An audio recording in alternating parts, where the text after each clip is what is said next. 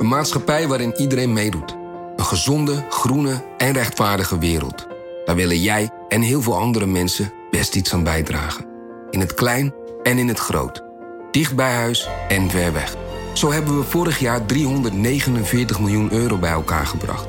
Miljoenen waarmee onze goede doelenpartners de wereld elke dag een beetje beter kunnen maken. Nationale Postcode Loterij. Samen voor een betere wereld. Wie reist met NS, reist net even anders. Wij reizen groen, zonder moeite te doen. Oh, zo kan je dus ook een dagje weg. En wij werken in stilte. In stilte? Nou ja, met oortjes dan. Oh. Zo gaan we iedere dag vooruit. Wij allemaal. Stap je ook in?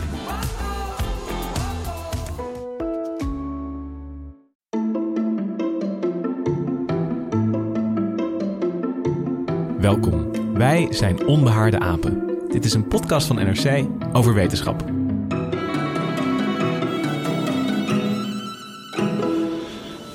Schrik niet. In een klein etmaal ziet de Randstad er dan zo uit. En hoe lang duurt het om de Randstad te evacueren? Pardon. Is dat een serieuze optie? Een paar miljoen mensen evacueren? Je begrijpt wel dat dat meteen het politieke einde is van de coalitie, hè? De hele Randstad een week stilleggen. Dat is een eh, economische catastrofe.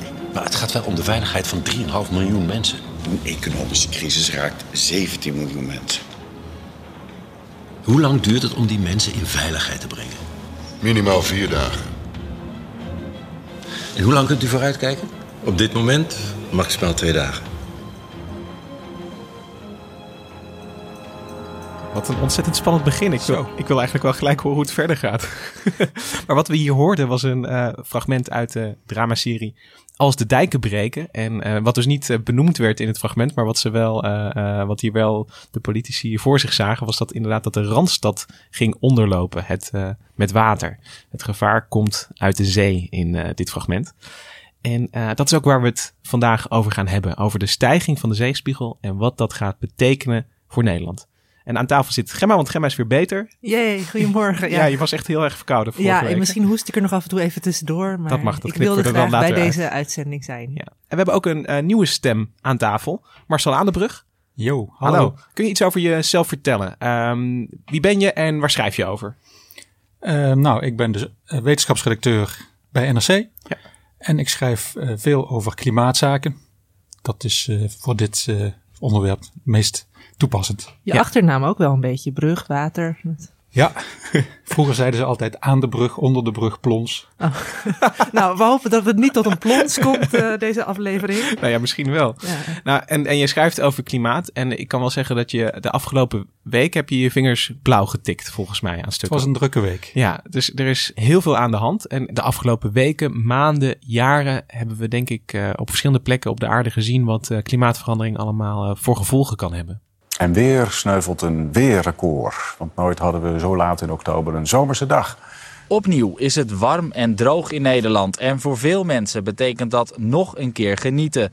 Maar we moeten het ook eventjes hebben over orkaan Leslie. Want die is op weg naar Portugal. Dit is een satellietfoto en hier zien we hem liggen.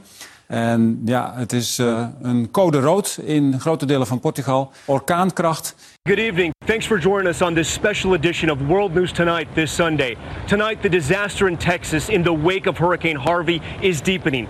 Houston is a city in crisis, and now a city of islands. Uniek, alle stormvloedkeringen dicht door storm. Het is een uitspraak van de rechter en hij is luid en duidelijk.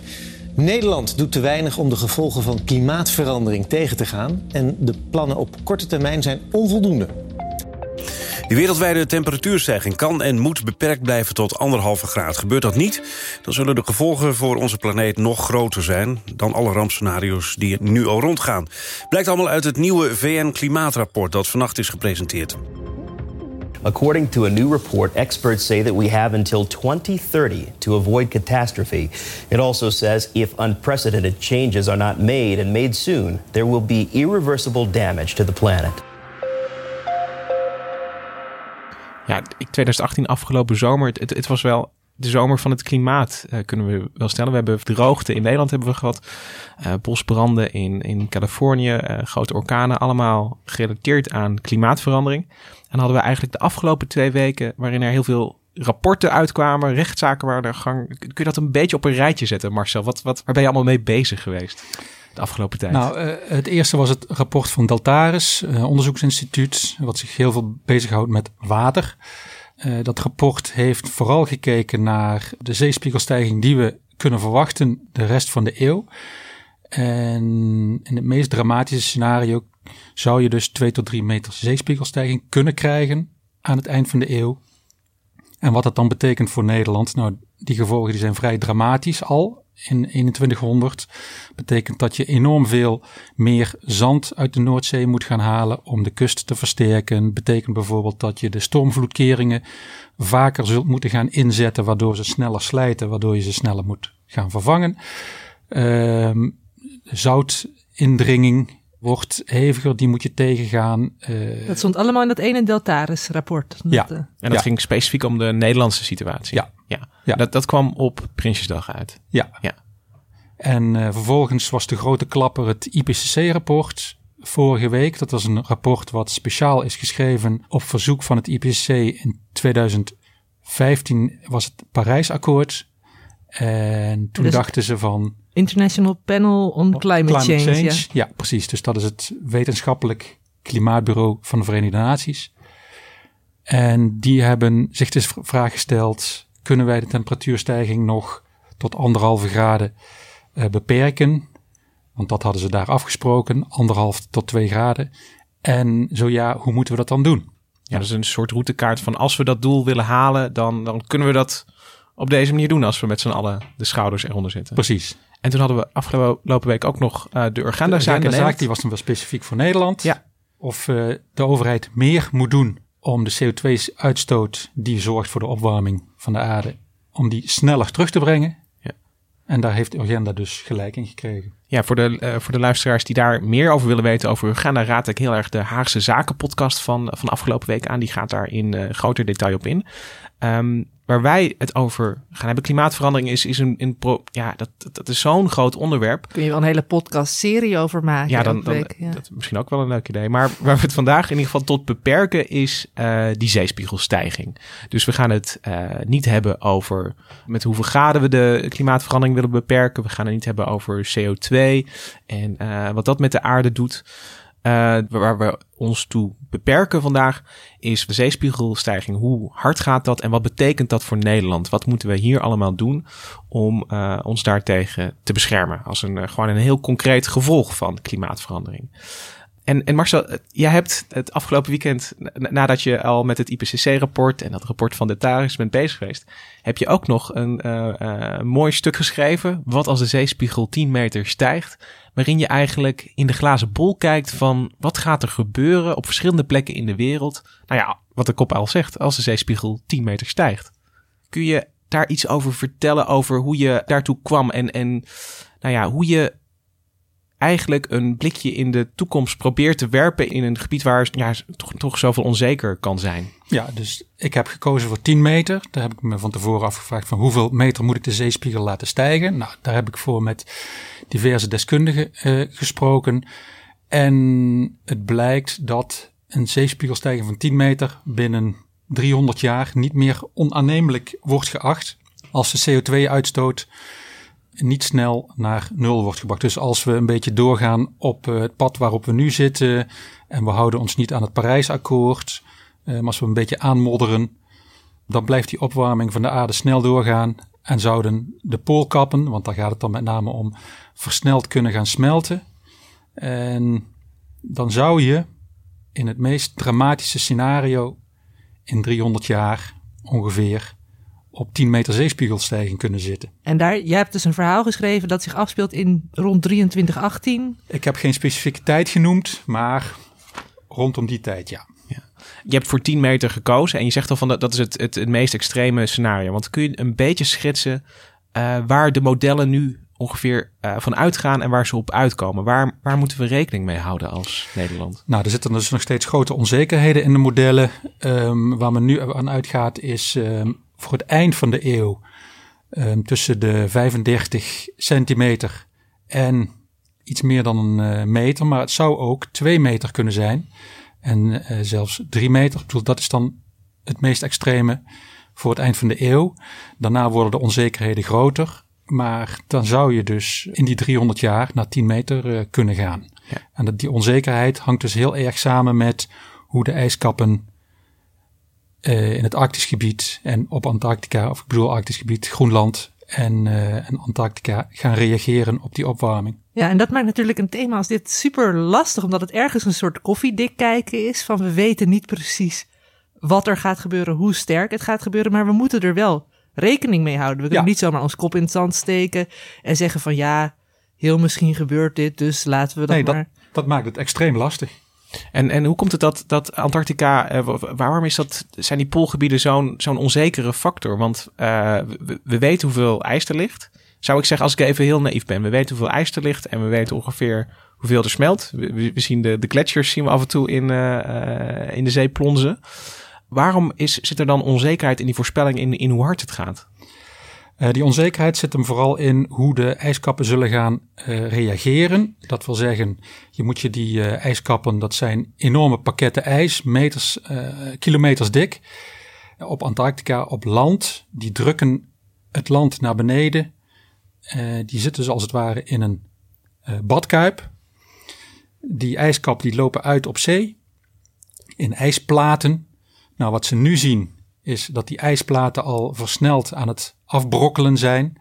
Die ijsplaten die fungeren als een soort rem op het naar beneden glijden van de, van de gletsjers. Het is een soort bumperrandje om Antarctica heen. Bumperrandje. Zeg maar. En ja. als dat bumperrandje zwakker wordt, kunnen die gletsjers sneller in zee gaan glijden. En je hebt ook nog het effect dat ze van beneden af um, zit je dus in die badkuip. Als daar water in, van, vanaf onderen inkomt, en dat water is erg opgewarmd, dan blijft die onderkant maar aangevreten worden. Dat warme water, dat, dat knaagt dan aan het ijs, zeg Precies, maar. Ja. van onderaf. Ja, en dan tegelijkertijd heb je dus die, die, die badkuiprand. Of het, het is niet zo als de dijken breken, maar als de badkuip van Antarctica breekt, dan... Uh, dan kan het wel eens hard ja. gaan. Ja. En dat proces, precies, dat kan wel eens hard gaan, maar ja. dat weten ze dus niet precies. En ze denken dat ze daar nu, nu al tekenen van zien, her en der. Met name bijvoorbeeld op het schiereiland van Antarctica. Um, en, en, speelt ook nog zo'n positieve feedback mee. Dat herinner ik me van mijn studie, zo het albedo-effect. Omdat het ijs is wit, dus het reflecteert de zonlicht. Ja, of... dat speelt ook een rol bij het Nael-effect. Dus dat je, ook al zouden wij nu stoppen met CO2 uitstoten en met andere broeikasgassen, dan doordat de oceanen al zijn opgewarmd en het heel lang duurt voordat die warmte weer kwijt is geraakt aan onder andere de atmosfeer, uh, blijft het ijs nog een tijdje smelten, verdwijnt het ijs, wordt het wateroppervlak donkerder. Ja, dus absorbeert het meer, meer warmte, warmte, in plaats van dat het ja. de warmte. Maar goed, dat voert allemaal waarschijnlijk te ver voor nu. Want ja. Nog eventjes voordat we de, de, de, de, over Nederland gaan, gaan denken in, in een toekomst met een hogere zee. Kun je nog iets zeggen over. Want, want je, je zegt al in hele extreme scenario's wordt het, wordt het ineens 10 meter. Zijn daar. Um, zijn er toch een soort van percentages op te plakken van. van uh, je gaf net al aan. Aan het eind van de eeuw. Uh, ongeveer 30 centimeter tot, uh, tot een meter. Is, is er een soort routekaart naar de toekomst uitgestippeld met, met van hier gaan we ongeveer van uit? Is, is die 10 meter, is dat een, een, een kans van een, een procent uh, in, in 2318 of is dat een kans van 10 procent? Nee, geen 10, 10 procent. Nee, nee, dat zal veel, veel kleiner zijn. Maar hoe groot die precies is, dat weet ik niet. Nee, dus, maar het, het gaat erom, denk ik, wat, wat Gemma net zei: van zelfs al is het een kleine kans, uh, is het nog steeds een, een scenario dat de moeite waard is om, om uit te werken. Precies. Want het is een beetje als een uh, verzekeringskwestie bijna van. Je hebt een, een, een, kleine kans op een, op een ramp. En hoeveel ga je investeren uiteindelijk? Ik denk dat dat de vraag is. Om, uh, maar, ja? Mag ik een, een, klein stukje uit het IPCC-rapport? Want ja, die, die, zeggen daar iets over. Ja. Um, ik zal het proberen ondertussen te vertalen. Zeespiegelstijging zal na 2100 doorgaan. Ook al lukt het ons om de opwarming van de aarde binnen de anderhalve graden te houden. Dat gaat over dat Nael-effect, dat het een tijdje blijft uh, opwarmen. En ook dat die poolkappen nog lange tijd zullen blijven uh, smelten, ook al stoppen we met CO2-uitstoot. Um, en dan staat er in het Engels: Marine ice sheet instability in Antarctica and or irreversible loss of the Greenland ice sheet could result in multimeter rise in sea level over hundreds to thousands of years. En dan gaan ze verder in op die instabiliteiten. These could be triggered around 1,5 to 2 degrees of global warming. Dus ook al lukt het ons om, tot, uh, om de opwarming te beperken tot anderhalf tot 2 graden, dan zou dat nog steeds kunnen leiden tot instabiliteiten, waardoor Antarctica en Groenland. En dan gaan we dus ineens rekening houden met meters En dan gaan we multimeter rise. Ja. Maar dat is wel interessant, want wat Lucas eigenlijk aangeeft is, hè, dat is de, de wetenschap, is dit rapport. Maar waar Lucas het net even over had, over die verzekering, is ook van ja, wat wil de politiek? Van als het een kleine kans is, hoe weeg je dan risico's uh, tegen elkaar af? Juist omdat die onzekerheden er zijn kun je zeggen van ja, ja, als we nu allemaal superhoge dijken gaan bouwen en het blijkt mee te vallen, dan. En dat is natuurlijk een, een enorm lastige vraag. Hoe, hoe ga je nu als politiek om met mogelijke dingen die ver in de toekomst kunnen gebeuren? En ik vond het fragment waar we mee begonnen ook zo aardig, omdat je meteen gaat denken in het hier en nu van ja, maar wat betekent dat voor de coalitie? En. Uh, dus dat zijn ineens dat allemaal zijn, belangen die, dat die, zijn die ineens allemaal belangen die gaan spelen. Ik las laatst een boek, dat uh, ging over heel iets anders. Maar er stond opeens iets in over dat in Amerikaanse auto's altijd achterin in de kofferbak een knop zit ingebouwd. Dat je een poppetje ziet dat aan een hendel trekt. En dat is voor als een boef jou opsluit in de kofferbak van je eigen auto. Dat je dan toch nog stiekem kunt ontsnappen. en, toen dacht ik, oh, dat is super handig, weet je. Want ze houden eigenlijk met hele kleine... Dus een hele kleine kans dat je in de kofferbak wordt opgesloten. maar, maar toch houden ze er wel rekening mee. Maar ja, dat is natuurlijk voor die autofabrikanten ook een relatief goedkope ingreep, denk ik, om zo'n hendel te installeren. Maar bij zeespiegelstijging, dan praat je zeker over miljoenen, miljarden, miljarden euro's. Vele miljarden. Ja, want, want, om het, uh, en, en dat is dan uh, uh, waar dat Deltaris rapport natuurlijk om, om vraagt. Dus we moeten scenario's gaan uitwerken. Hoe willen we dat Nederland er in 2100 uitziet, in 2200, ja. in 2300? En dat zijn natuurlijk wel vragen waar we nu over na moeten denken. Ja, precies. Ja. En uh, om, om nog heel eventjes voordat we gaan terugkijken op uh, hoe Nederland in, de, in het verleden tegen het water gestreden heeft. Het gaat altijd over strijd als het gaat om water in Nederland. Ja, metafoor is ook nog een interessante onderwerp. Ja, zeker. Ja.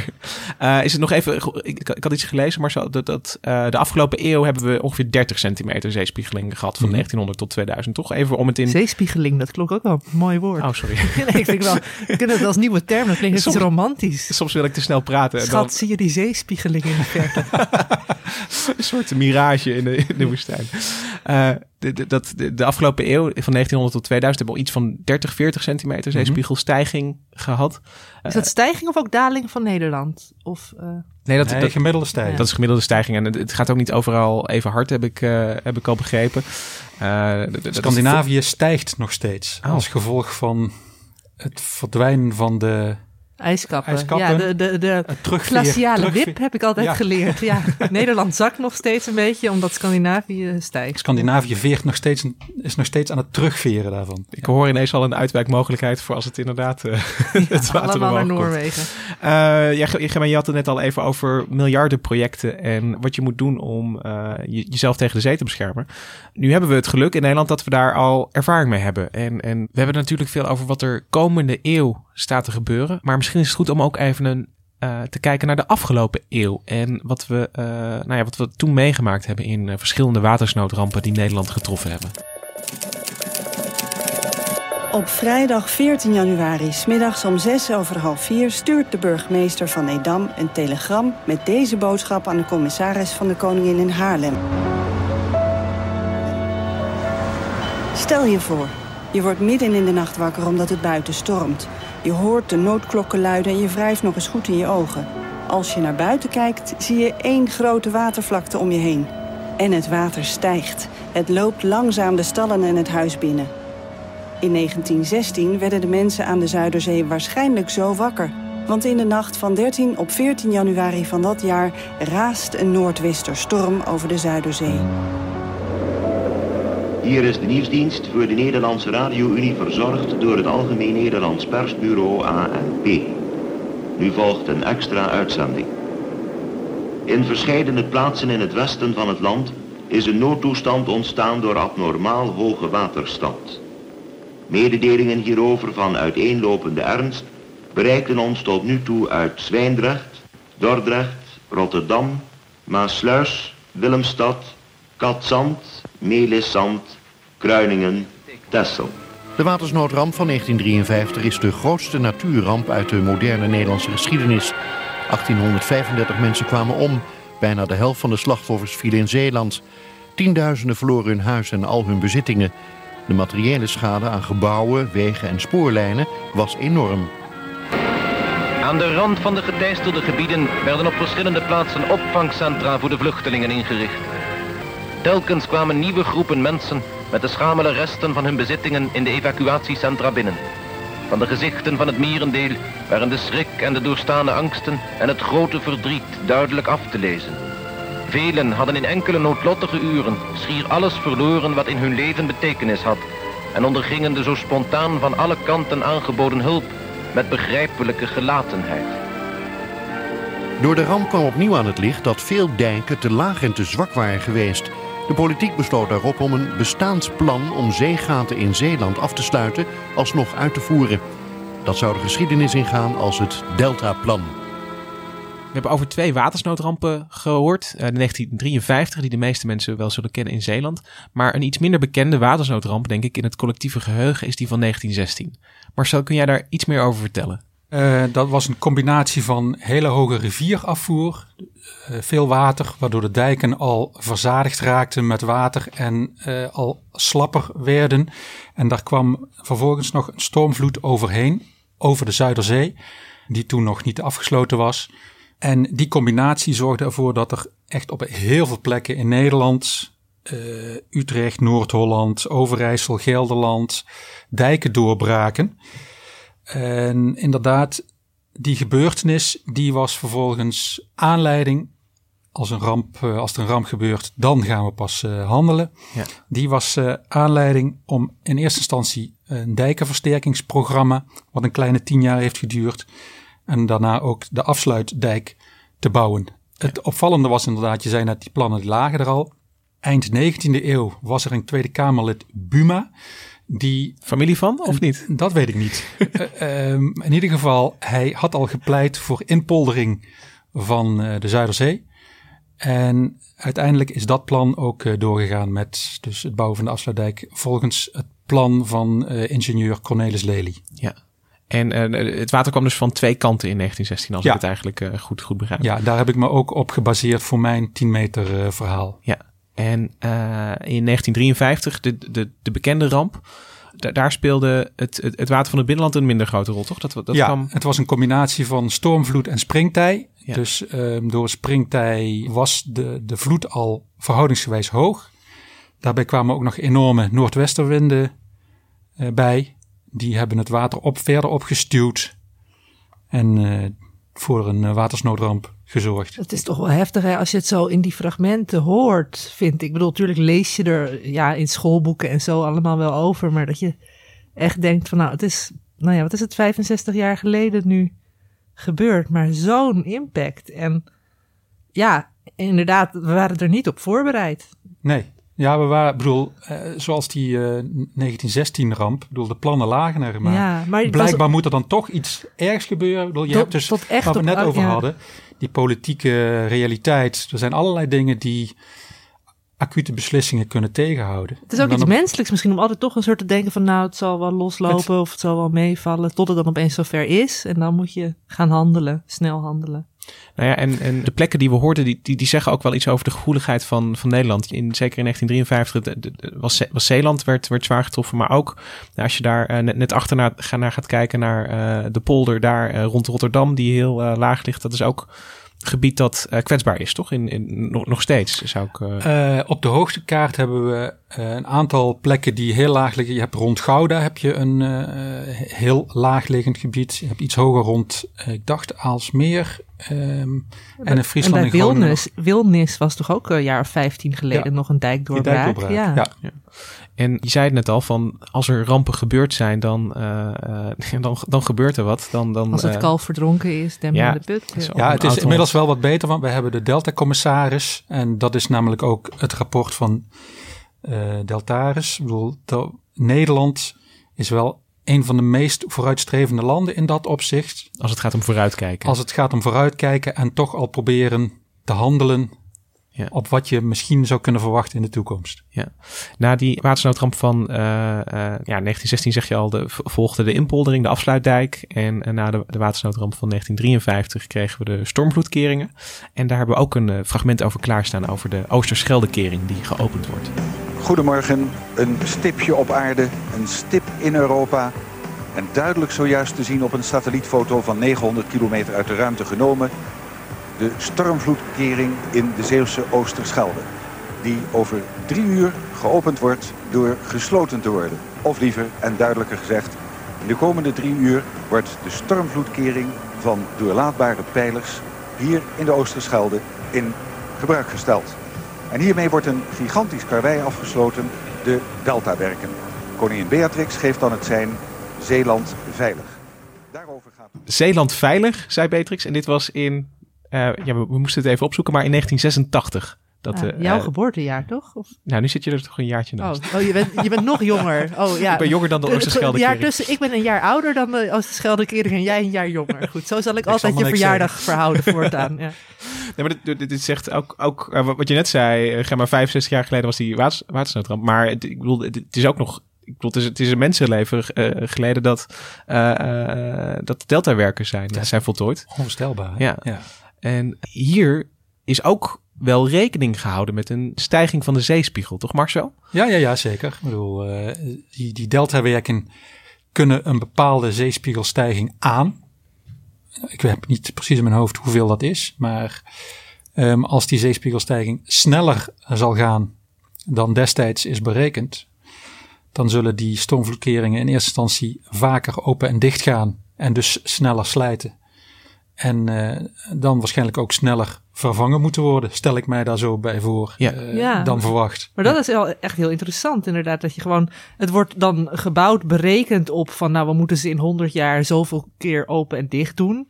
Maar als het opeens tien keer zo vaak moet, dan kun je ook zeggen van nou misschien is het wel tien ja. keer zo snel. Ja, uh, dat is waar, waar het Deltaris rapport dus ook op wijst. En dat is een van die dingen, dat ja. de stormvloedkeringen meer gebruikt zullen gaan worden. Ja. En dus sneller slijten en, en eerder aan vervanging toe Maar zijn. dat gaan we ook dan, doet me wel denken van ja, moeten we ook anders gaan denken over het ontwerpen van zeeweringen? Moeten we dan die onzekerheid inbouwen? Snap je? Dat, dat, dat je niet meer iets bouwt waarvan je zegt van dit kan de komende 100 jaar een zeespiegelstijging van 5 meter doorlopen. Maar we ontwerpen nu iets waarmee we een zeespiegelstijging tussen de 1 meter en 10 meter uh, kunnen opvangen. In die zin zou je, zou je dat Deltaris rapport ook als een oproep kunnen zien om dat te gaan doen. Maar we, of men weet nog totaal niet hoe dat zou moeten. Er zijn nog geen, uh, er zijn nog geen bouwmodellen dus voor hoe je wedstrijd. een, een, een, een, een zeewering moet, moet bouwen die, die je bijvoorbeeld... Als een soort Lego-bouwwerk waar je blokjes aan kunt zetten. Die je zou kunnen aanvullen als het, als het blijkt dat het toch harder gaat. Ja. Want, want dat is natuurlijk het, het, het moeilijke is, is van je moet een bedrag uitgeven... Uh, waarvan je niet precies weet, nou ja, die, die onzekerheid die we aan het begin benoemden over de zeespiegelstijging. Ja.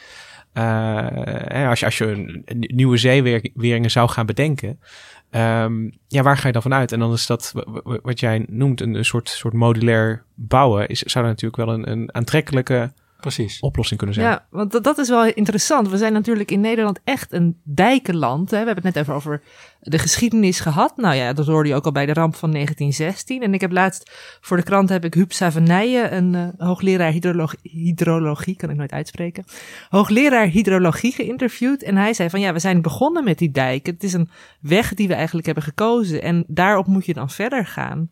Maar ooit was het genoeg, in ieder geval in de fictieve kinderboeken, dat Hansje Brinker even zijn duim in een gat in de dijk uh, stopte om een overstroming te voorkomen. Maar Ik zit hier met, met volgens mij met twee mensen aan tafel die iets meer van dijken afweten dan, dan Hansje- ik zelf. Hansje Brinker Ja, Hansje Brinker wel? ken, ik, ken ik zeker wel. Maar wat bedoel je precies als je zegt van, van dat we een, een weg zijn ingeslagen? En, en, en eh, kun je dat een beetje, beetje toelichten? Nou, eh, Nederland is een, is een delta, hè? Ja. Eh, ehm, We liggen aan het einde van eigenlijk als je. Ik, ik, dat, is heel erg leuk om een keertje te kijken naar een satellietfoto waarin eh, eh, Nederland zeg maar ongeveer 90 graden gedraaid is. En dan, dan zie je dat, dat we zijn eigenlijk, ja, eigenlijk de, de, de uitmonding van, van heel veel grote rivieren in Europa. Ja, een mooie waaiering Ja. van rivieren. Maar eigenlijk is zo'n delta een heel dynamisch systeem van nature. Maar getijdenwerking enzovoort. Zoet maar, en zout dat elkaar tegenkomen. Afvoer van sediment door, ja, door rivieren. ja, dus het, het kan dan ook weer uitbouwen door dat sediment. Maar als je een dijk aanlegt, dan beknot je die delta. Of die, je, je Je beperkt die bewegingsvrijheid. Ja. van die delta. En daar is eh, zeker de laatste jaren wel steeds meer aandacht voor, toch Marcel? In het kustbeheer ook, om het juist die dynamiek terug te brengen. Om, Ja. Maar dat kost dus wel heel veel moeite. Zeker voor, eh, voor, voor een land als Nederland. Dat internationaal een reputatie heeft om de zee te hebben bedwongen. Eh, wat je net zei. eh, bedoel, wij hebben nou eenmaal voor die dijken gekozen. Dus we zitten daar voorlopig aan vast. Dat is een technisch verhaal. Maar ook in onze hoofden zitten we daar misschien aan vast. Psychologisch. Want een alternatief zou kunnen zijn dat je wat meer met de natuur gaat meewerken. En dat je die rivieren weer wat meer la- laat slingeren. Of dat je de mogelijkheid geeft dat rivieren kunnen overstromen.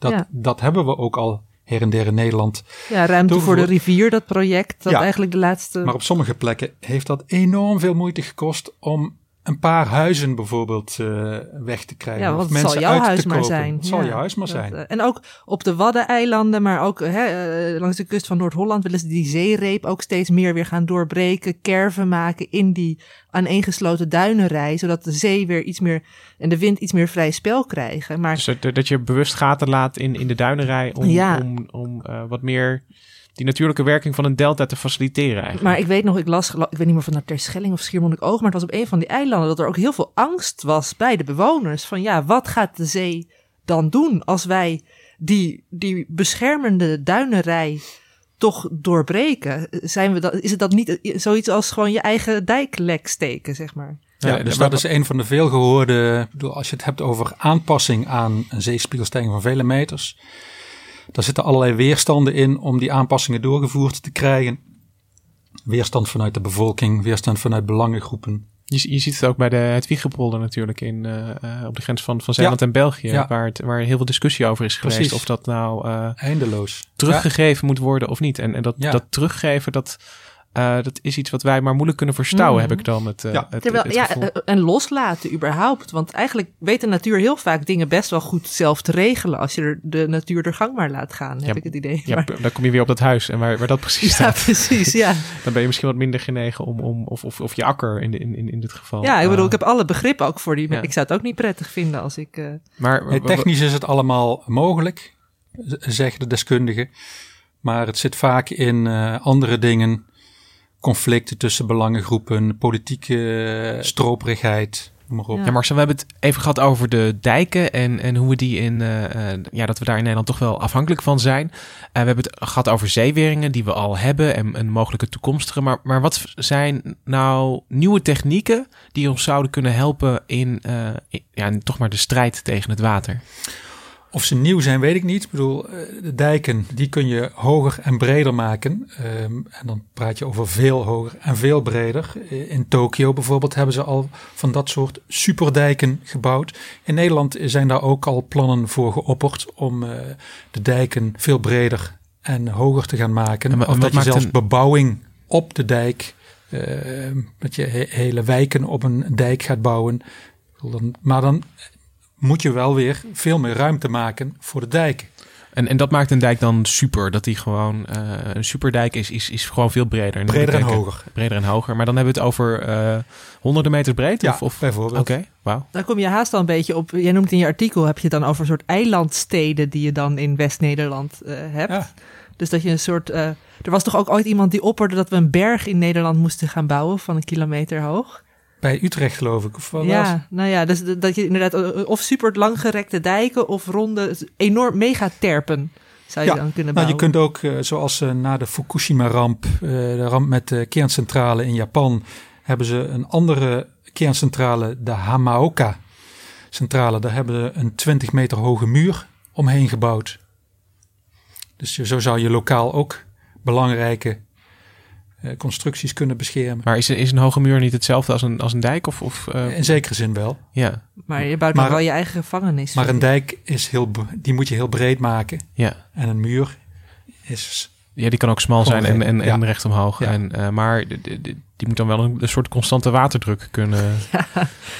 Dat lijkt, me toch een spannende gedachte om achter, eh, achter een, Je een hebt muur ook te nog eh, wonen. de mogelijkheid om bijvoorbeeld, eh, waar Deltaris ook al van heeft gedacht, als je steeds meer rivierafvoer krijgt, op een gegeven moment moet je de dijken rond het IJsselmeer op gaan hogen, zodat het IJsselmeer vo- voller kan raken. Maar dan wordt het IJsselmeer zo hoog dat je het water ook, dat het water niet zomaar vanzelf.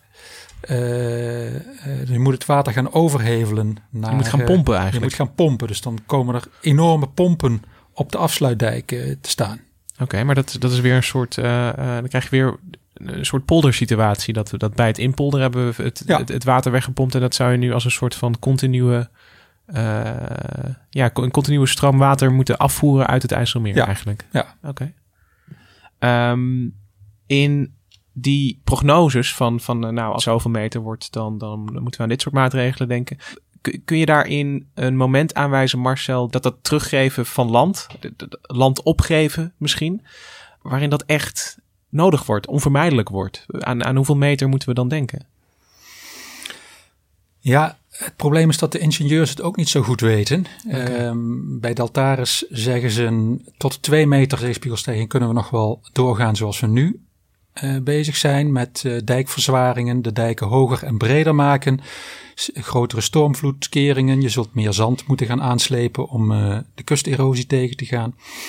Tussen de 2 en de 6 meter wordt het al wat lastiger. Dan wordt Nederland een soort groot Zeeland zeggen ze bij Daltaris. En na zes meter is het terra incognita. Dan, dan weten ze het gewoon niet. Aqua incognita Eh, misschien. Ja, dat, eh, dat Precies. klinkt wel een soort Atlantis. eh, Maar, maar dan- nog even terug naar die 2 tot 6 eh, meter. Dan, dan zeg je Nederland wordt dan een groot Zeeland. En dan moet ik me voorstellen dat er Dan ben een soort dus al- eilandengroep. Ja, ja. Oké. Mm. En dan ben je dus, eh, stel ik mij zo voor, inderdaad al veel land aan het teruggeven aan de zee. Dan, dan, dan wonen er veel meer mensen op de Utrechtse Heuvelrug en in Limburg en in nou ja, andere hooggelegen... Stel ik mij zo voor, ja. Ja. Maar het kan natuurlijk ook nog dat je echt een enorme zeewering gaat bouwen voor de Nederlandse kust. Er zijn ook mensen die dat. eh, maar ja, ja, je moet je voorstellen, eh, we hebben dan een enorme muur. Ja, Ja, eh, voor de kust gebouwd. Ik eigenlijk. bedoel, dan wonen wij als het ware in een badkuip. Ja. Maar dat is het gekke. Nou ja, dat bedoelde ik net een beetje, een beetje met die dijken. We hebben een weg ingeslagen. Het is een soort wet van de remmende voorsprong. Eerst was het ook, kijk eens naar ons. Wij hebben allemaal hele mooie ideeën. Maar ik heb nu het idee dat landen die nu pas er een beetje over na gaan Ja. denken. Nieuw-Zeeland. Nieuw-Zeeland, Californië, Wat, ja, wat, wat vertelde jij nou over mangrovenbossen? Had je het laatst tegen mij? Ja, nou je kunt bijvoorbeeld weer de mangrovenbossen die zijn verdwenen weer eh, aanleggen. Ehm, waar je ook aan kunt denken. Dat- maar dat doen, ze, doen, doen ze dat al ergens bij Nieuw-Zeeland? Bij Nieuw-Zeeland, Ja. eh, in Californië is er vanuit de lokale bevolking zelf zijn er initiatieven om eh, mangroven te herstellen. Ja, dus daar werken ze veel meer samen met de natuur. Ja. In plaats van gewoon te denken, hop, we zetten er een dijk neer. En... Precies. Ja, en nu is het ook om, om, om daar een beetje... eh, er worden ook nog steeds heel veel mangrovenbossen weggehaald op verschillende plekken in de wereld. Hè. Ik bedoel, dat is, het, is- het is niet zo Het dat... is- nee, het is, dat, dat en het is ook niet zo dat wij zomaar een mangrovenbos kunnen. We hebben wel van die broekbossen met elzen en zo in Nederland. Dat we Ja. misschien. eh, Nou ja, de, een beetje biesbosachtige eh, constructies. Maar je zou ook precies, of zeegrasvelden eh, die, die het, eh, het sediment beter vasthouden. Ehm, in, in Bangladesh werken ze al decennia aan een systeem waarbij stukjes land die zijn ingepolderd, je moet je dat voorstellen, dat, dat beschrijf ik dan ook in dat 10 meter eh, scenario.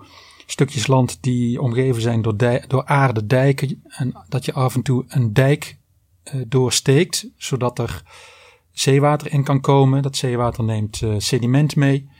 En zo kun je dat stukje land ophogen. En dat kan soms vrij snel gaan. Ehm, Dan steek je, dat, dat is een beetje contra-intuïtief. Je steekt een dijk door om, Precies. om het land op te ja, dus dat is, eh, ook dat is weer, je moet eh, meewerken met de natuur. Ja. Wat inderdaad eh, voor, voor de Nederlanders in ieder geval heel raar is. Ehm, die zee die brengt sediment mee en dan hoog je het land langzaam op. Dat kan soms, vertellen ze dan, wel een meter per jaar zijn. Dus dat systeem bestaat eruit dat mensen tijdelijk een aantal jaren hun huis uitgaan. Bij familie, want er schijnt dan een hele sterke familiebanden. Eh, gaan ze een, een stukje verderop, een paar kilometer, een paar tientallen kilometer verderop bij familie in. Daar zitten ze een paar jaar totdat hun land weer is bijgegroeid. En dan kunnen ze weer terug. Maar dat vraagt wel heel veel van de mensen, want iedereen is voortdurend Ja. op stap eigenlijk. Ja, want op de Malediven was toch al in 2004 een soort... Ja, daar hebben ze eh, net een, eh, in 2004 een, een heel nieuw eiland opgespoten.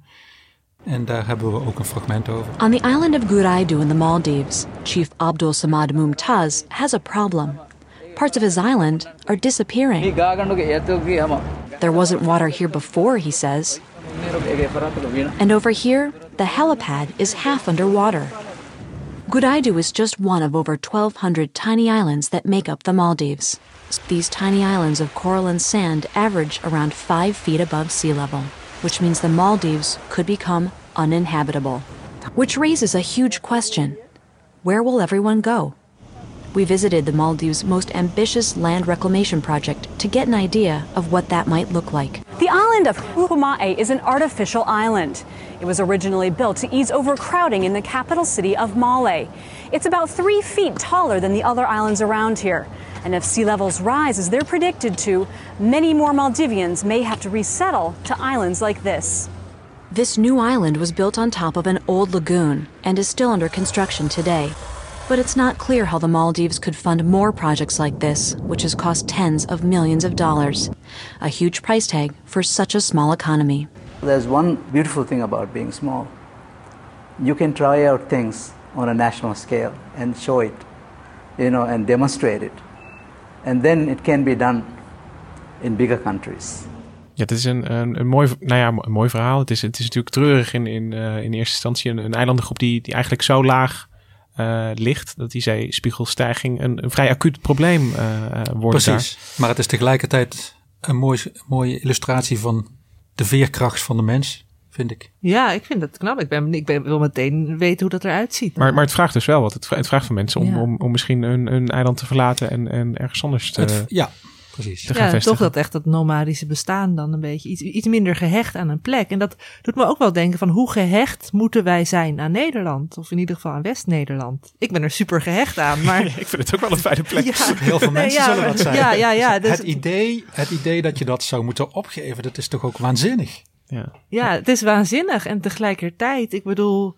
eh, ja, vroeger eh, jagers, verzamelaars, weet je, ik bedoel, ja, De wereld verandert, wil je de zeggen. wereld verandert. Misschien moeten we toch weer ook hier uiteindelijk wennen aan een toekomst waarin we. eh, je, hebt nu toch ook alweer de digitale nomaden die, die over de aarde zwerven. Ja, goed, dat voert te ver. Nee, maar. Ja, nee, nee, maar flexplekken op werk. Langzaam worden we voorbereid op een grootschalige verhuizing. Dat is het, denk ik.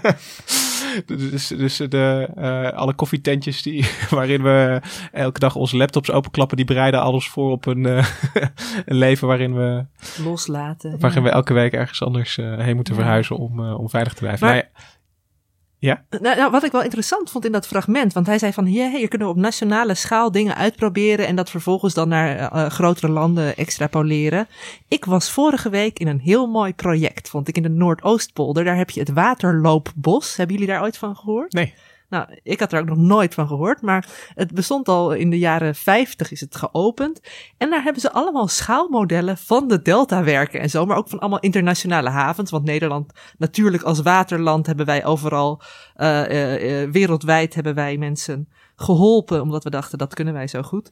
Maar daar hebben ze dus allemaal als een soort proeftuin voor eh, hoe samen te werken met het water. Ik vind samenwerken met het water eigenlijk mooier dan strijd tegen het water. Maar dat, dat hebben ze daar heel leuk gedaan. En die, het is nu sinds de jaren negentig of zo buiten gebruik. Dus je ziet nu allemaal roestige apparaten tussen de mooie herfstbomen. Maar ik vond het wel inspirerend. Ik dacht, moeten we dat niet weer in werking gaan brengen. Om gewoon even te experimenteren op kleinere schaal van wat werkt. Om even die 10 meter zeespiegelstijging in drie eeuwen te kunnen nabootsen daar in dat waterloopbos. En kijken van, hé, hey, wat hebben we dan nodig om Nederland toch leefbaar te houden? Ik vind het een goed plan. Ja, dat is samenwerken met het water, dat klinkt mooi. En, en, en nog eventjes, voor de zekerheid, die 10 meter over, over drie eeuwen, dat is, dat is een extreem, maar wel een scenario waar we dus over na moeten denken. Ik denk dat het misschien mooi is, Marcel, als jij nog een, een stukje voorleest uit, uh, uit jouw verhaal van afgelopen zaterdag. Oh, dat stukje met de banjo-speler in Louisiana. De Mag dat? Ja, dat hij in de bar komt zo. Ja, je hebt, je hebt uh, om, om het even uit te leggen, je hebt uh, op, op vier verschillende plekken in, in de wereld bezocht in, in de 24e eeuw om, om te kijken hoe ziet het, hoe ziet het daaruit. En, en dit speelt zich af in het, in het zuiden van de Verenigde Staten. Ja, wat is opgegeven. Zal okay. ik maar meteen verklappen. Um, nou, de banjo-speler die zit in een bar en praat met de barkeeper over hoe het vroeger was en hoe ze het land gewoon hebben laten verzwelgen door de zee. De barkeeper zet de tv aan en kiest een nieuwszender. Een groep toeristen is aangevallen door een krokodil. Maar waarom hebben ze de steden als New Orleans niet opgetild, zoals in Nederland? Waarom hebben ze die afgedankte olieplatforms in de Golf van Mexico niet afgezonken om er nieuw koraalrif op te laten groeien? Zoals Sydney dat voor zijn kust heeft gedaan, zegt hij. Daar is een compleet nieuwe barrier reef gecreëerd. En steden als New York en Los Angeles hebben allang wijken met drijvende huizen. Het is ieder voor zich, antwoordt de barkeeper. En God interesseert zich niet voor ons. Dan weet Tumble met welk nummer hij straks zal beginnen. Swallowed Souls. Dat zal de stemming erin brengen. Mooi en heel beeldend. En het, het laat tegelijkertijd zien hoe. Uh, nou ja, ik, ik, denk de vragen waar, uh, waar mensen over de hele wereld de, de, de, komende tientallen jaren, komende eeuwen voor gaan staan. En, en waar inderdaad ook, wat, wat hier wel mooi naar voren komt, vind ik, is, is verschillen tussen, tussen arm en rijk. Die, die worden natuurlijk, ja, als we nadenken over de Malediven en dat soort plekken, die worden natuurlijk ook, ja, dat, dat speelt ook een grote rol in, in hoe kun je je beschermen of meewerken of vechten tegen het water. Ja, precies. Uh, dankjewel Marcel. Ik denk dat je echt een heel mooi uh, beeld hebt gegeven. Um, ja, het, het, is. Uh, ja, dat zal de stemming erin brengen. ja, wat voor stemming verkeren we nu? Ik vond het best wel een spannende aflevering, ook van tevoren hoor. Dat ik dacht van ja, het is heftig onderwerp. En ik bedoel, er is nog veel onzeker. We weten niet hoe het gaat. En ik heb, nou ja, goed, Nederlanders of mensen in het algemeen zijn misschien toch allemaal wel optimistisch over dat we nog dat het allemaal wel goed zou ja, ik, ik, ik, uh, ik, bedoel, ik hing zelf ook twee gedachten. Het zijn natuurlijk hele uh, sombere vooruitzichten, maar tegelijkertijd weet je dat de mens ook veel voor elkaar kan krijgen. in... Juist, juist in, in gebieden uh, op plaatranden bijvoorbeeld, hè, waar, veel, waar, waar aardplaten bij elkaar komen en veel vulkanen en aardbevingen zijn, schijnen mensen altijd het meest creatief te zijn ook. Dus die weet juist ook op bij kusten en laaggelegen gebieden. Nou ja, de, de, kusten en laaggelegen gebieden, dat, is, het, het, zijn, het zijn natuurlijk wel plekken waar mensen gaan gaan wonen ook. Uh, als je kijkt, eh, de delta's zijn natuurlijk altijd hele productieve ja. plekken geweest. Ja. Zoetwater en zoutwater bij elkaar, uh, rijke visgronden vaak. Dus, dus als je kijkt over de wereld van waar wonen nou grote concentraties mensen, dat is eigenlijk altijd in, in rivierdeltas, zoals Nederland, zoals Bangladesh. De Nijldelta, de ja. ja. Dus ik hoop dat we de podcast gewoon vanuit hier in... Uh, nou, ik, ik, ik, heb nog wel een, uh, ik heb een, manier denk ik om de podcast op een positieve manier uh, af te sluiten. En, en dat gaat niet over water. maar naar aanleiding van onze podcast over de Nobelprijs hebben wij nog een, een mooie reactie gekregen van oh. luisteraar Jeroen. En die wil ik eventjes voorlezen. Uh, het gaat over de Nobelprijs voor de, uh, de geneeskunde. Die ging, die ging naar Allison en Honjozo um, voor een ontwikkeling van immunotherapie. En Jeroen die schreef ons: Ik ben een van de 20 tot 30 procent patiënten bij wie immunotherapie tegen huidkanker tot nu toe goed werkt. Al 22 maanden sinds de diagnose van uitzaaiingen in meerdere organen. Voorheen, nog geen vier jaar geleden, zou ik maar enkele weken te leven hebben. De bijwerkingen zijn zoals opgemerkt soms zwaar en het medicijn heeft mij met acht verschillende soorten auto-immuunreacties getroffen. Het immuunsysteem valt dan organen aan, vooral die met snel groeiende cellen zoals darmen, lever, huid. Dit effect wordt dan weer geremd met steroïden zoals cortison, die weer een eigen bijwerking hebben en tegelijkertijd weer de tumoren een kans geven. Zo balanceerde de arts in mijn geval maandenlang de kankerbestrijding met remmende steroïden en de effecten ervan. Heel vermoeiend, soms drie keer per week naar de kliniek voor bloedtests en elke paar maanden door de CT-scanner. Maar ik leef nog steeds en ik schrijf dit bericht nu uit Japan, waar ik op vakantie ben met mijn vrouw. Bewijs dat zelfs patiënten die tot voor kort uitzichtloos ziek waren, weer redelijk goed kunnen leven. Op de dag van de Nobelprijsconferentie waren we zelfs in Kyoto, waar professor uh, Hondojo, en we hebben hem vaak uh, Honjo genoemd, want zo schrijf je het, maar je, je spreekt dus uit als Hondojo, uh, werkt. we reden zelfs in bus 17 langs zijn instituut. Ik ben de Nobelprijswinnaar zeer dankbaar en hoop dat meer onderzoek de toepassing voor meer types kanker geschikt kan maken. Ondanks alle vooruitgang is voor, voorkomen nog altijd beter dan genezen. En een simpele jaarlijkse check van moedervlekken bij de huisarts kan al veel ellende voorkomen. Altijd meteen laten nakijken als je wat vreemd ziet. Nou, ik, ik was heel erg, ik vond het echt een hele mooie reactie. Ja, ja, uh, veel, ja. Uh, ja echt uh, bedankt Jeroen dat je dit met ons wilde delen. Ja. En nou ja, mooi om te zien hoe, nou ja, hoe onderzoek soms echt het verschil kan maken voor, voor mensen. Ja, en dat geeft ook wel een hoopgevend bericht. Iets over toch de menselijke inventiviteit. Nou, daar komen we er toch weer een beetje op terug inderdaad. Um, heb je nou ook een, wil je nou ook reageren op iets wat je gehoord uh, hebt? Dan kun je dat altijd uh, per e-mail doen aan uh, podcast.nrc.nl. Je kunt ook iets laten weten per Twitter bijvoorbeeld. Wij zijn NRC Wetenschap zijn we daar. En we hebben sinds kort ook een nieuwsbrief, Onbehaarde Apen. Daar kun je je ook op abonneren. Als je zoekt op de site, dan, dan vind je dat wel. abonneer je dan ook vooral ook gewoon op de podcast via je podcast-app. Dan heb je altijd de laatste uitzending binnen. wij zijn er volgende week weer. Tot dan. Tot dan. Dankjewel Mirjam ook weer voor de productie. En dankjewel Marcel. Dankjewel Mirjam en dankjewel. En dank je Lucas, zoals altijd. Iedereen bedankt. Doei. Doei.